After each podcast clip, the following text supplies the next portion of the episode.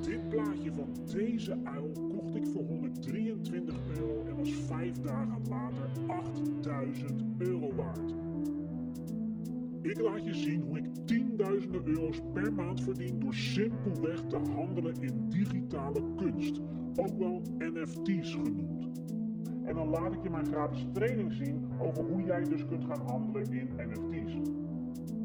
Natuurlijk heeft niet iedereen 20.000 euro ter beschikking om zo'n aap als deze te kopen, maar je kunt ook met minder geld beginnen.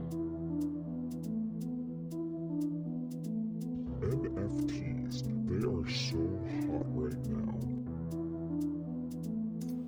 Hallo allemaal en welkom bij deze trailer van mijn podcast. Ik ben Ace Roeper en heb deze podcast gemaakt voor mijn profielwerkstuk 6 VWO. De podcast gaat over NFT, zoals jullie wellicht al hebben gehoord in de intro-muziek.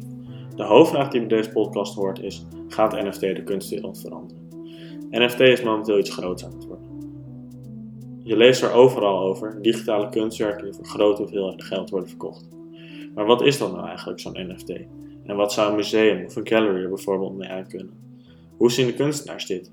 Op deze vragen zal ik proberen antwoord te geven in mijn drie afleveringen podcast. Vast heel veel luisterplezier.